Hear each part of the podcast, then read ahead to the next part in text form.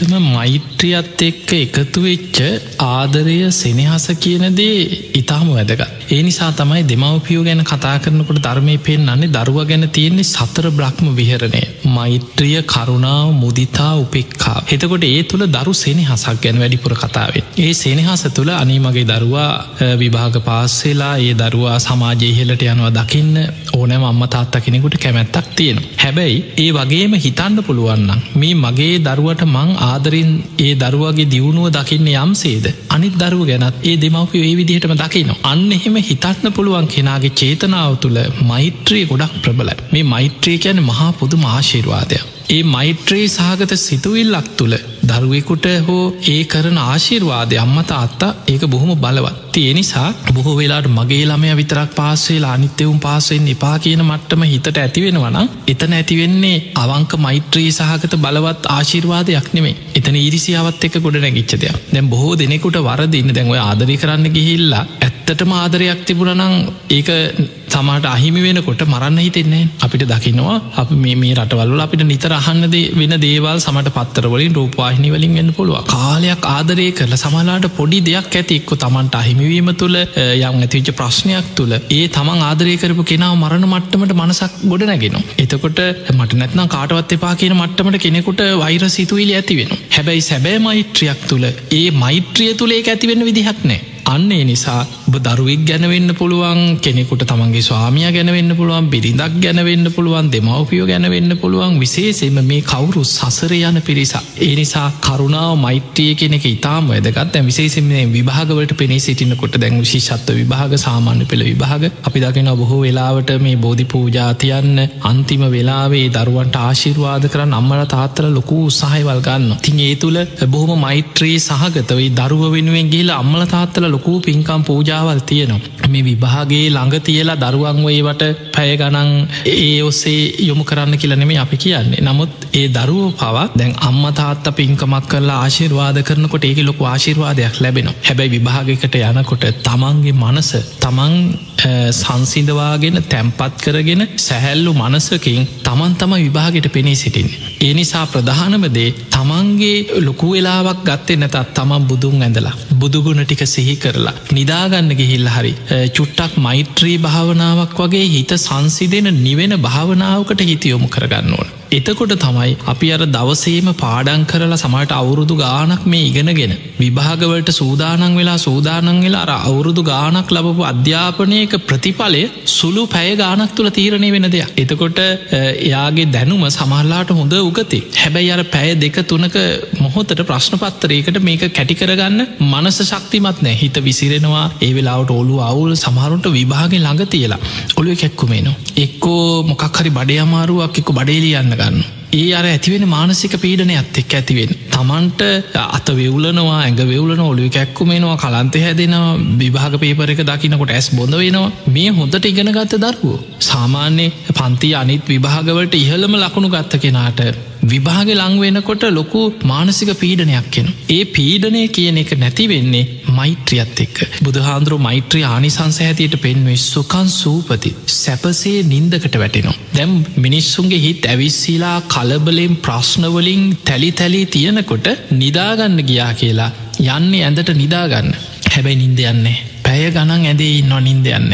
හිතට නොයේ කිසි වැඩකට නැති අරමුණු මතක්කෙනවා වද දෙනවා හීනෙන් බයවෙනවා නින්ද යන්නතුව පැය ගණන් ඉන්න. ඇයි හිත ඇවිස්සිලා තියෙන් හිත විසිරිලා බුදුහාන්දුරු පෙන්වා මහනෙන මෛත්‍රී සිත වඩන කෙනා සාන්ත සැප නින්දකට වැටෙන. ඊළඟට සුකම් පටිමුංජති උදේ නැකිටින්න කියදැන් එකන ගන්න දරුවන්ට තියෙන ප්‍රධානම දේ තමයි උදේ නැකිටින්න දරු හරි කම්මැලි.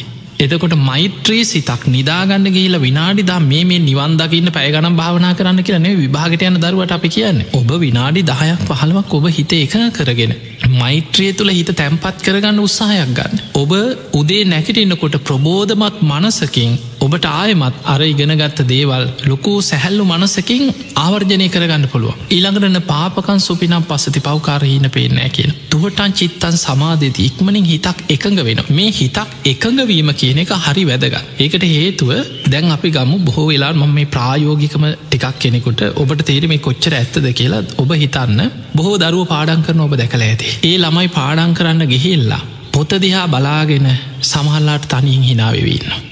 කාමච්චන්දේ ප්‍රියමනාප දේවල් හිතට මතක් කියෙන පොත දිහා බලාගෙන හිටියට හිත තියෙන වෙන සීන ලෝකෝල හිත දුවනවා නොඒ කරමුණුවල දුවනක් තමාට තමට වැඩකුත් නෑ හිතෙන් එක්කොගේ වල් හදනවා වාහන ගන්නවා ගමන් යනවා විනෝද වෙනවා. ඒවත් මේ ප්‍රපංච ගොඩ නගන ඊළඟට හිතේ මතක් කෙනවා මොනහරි හිත්‍රදීම් අම්මතාත්ත බැනපු එකක් වෙන්න ඇති පුළුවන් ගුරුවරේක් යාළුවගේ ප්‍රශ්නයක් දුක හිතෙනවා. තරහක් ඇතිවෙන ව්‍යාපාද නීවරණි ඒක ඔස්ස හිත දුවනු ඊළඟට කම්මැලිකම ඇතිවෙනවා එපා වෙනවා නිදිමතේනවා දැම් බෑම කියලා හිතෙනවා තීන මිද්ද කියන එකට ඊළඟට උද්දච්ච කොක්කොච්ච. උද්දච්ච ගැන හිත හැමවෙලේම අරමුණේ තියෙන දැ පාඩන් කරන්න ගත්තේ. හැබැයි එතන තියෙන්නේ හිත විසිරෙන. නොයෙක් අරමුණුවල විසිරෙනකොට තමන්ට පසු තැවීමක් ඇතිවෙන අයි මට මේක කරගන්න බෑනේ. මහ කරුමයක් මට. මට පොත පාඩන් කරගන්න බෑ. මේ වැඩකට නැතිව මතක් කෙනවා ඇයි මට මෙහෙම වෙන්න කියලා තවතවත් පසු තැවෙන පසු තැවෙන්න පසු තැවෙන්න තවත් හිත විසිරෙන ඊළඟට සැකේ විචිකිච්චාව ඒ සැකේ ඇති වුණට පස්සේ මගේ මේක මගේ කරුමේ කවුරුත් මට මොනහරි කරලත් දන්නෙත් නෑ. එක්කො මේක කර්ම විපාකයද දන්නෙත් නෑ. මේ ළමයට මොකක්ද?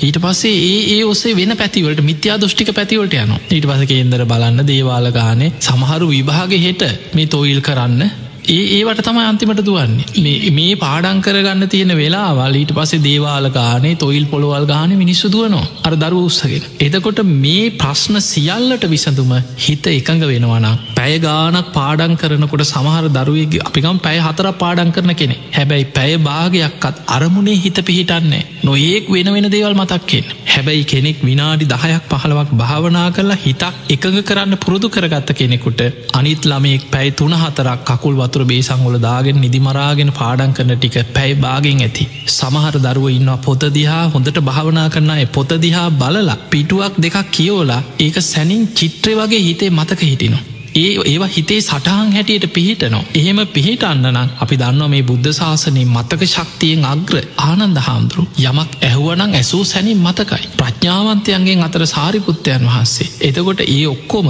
මේ රහතන් වහන්සේලා කියන්න අසූ හාර දහසක ධර්මස්කන්ද කටපාඩමෙන් ගෙනයි මේ පොත් කරේතියාගෙන පොත්වල ලියාගෙනාවෙන එතකොට යමක් අහපු ගමන් මතකතියාගන්න පුළුවන් ධරණ ශක්තියක් ඇති වුණේ සිහිය දියුණු කරගත්ත නිසා. දැම්බලන් විභාගකට ගියත් අපි සිහිකර කරන යමක් මතකට ගන්න භාවනා කරනකොට වෙන්නේ සිහිය දියුණු වෙනවා. සිහිය දියුණු වෙනවා කියැන මතක ශක්තිය වැඩි වෙන තියෙනනිසා පුංචි සුළු අභ්‍යාස හැටියට භාවනාවක් කරන එක මෛත්‍රී භාවනාව බුදුගුණ ටිකක් සහි කරන එක හිත සංසිදවාගන්න කරන්න පුංචි භාවනා ක්‍රමයක් එදිනෙ ධාරාත්‍රී කාලෙ හරි ඒ පාඩංකන අතරතුර පුරුදු කරගන්න එක සැහැල්ලු මනසකින් විභාගට ගියත් බුදුගුණ සහි කරලා විනාඩි දෙකතුනක් හරි ඇස්පියාගෙන තමන් හිත පිහිටවාගෙන සූදානංගුලොත් මංහිතන්නේ දරුවෙකුට හොඳ සැහැල්ලු මනසකින් විභාගවට මුණ දීලා ලොකු ජයග්‍රහණ ගන්න පුළුවන්කම ලැබේ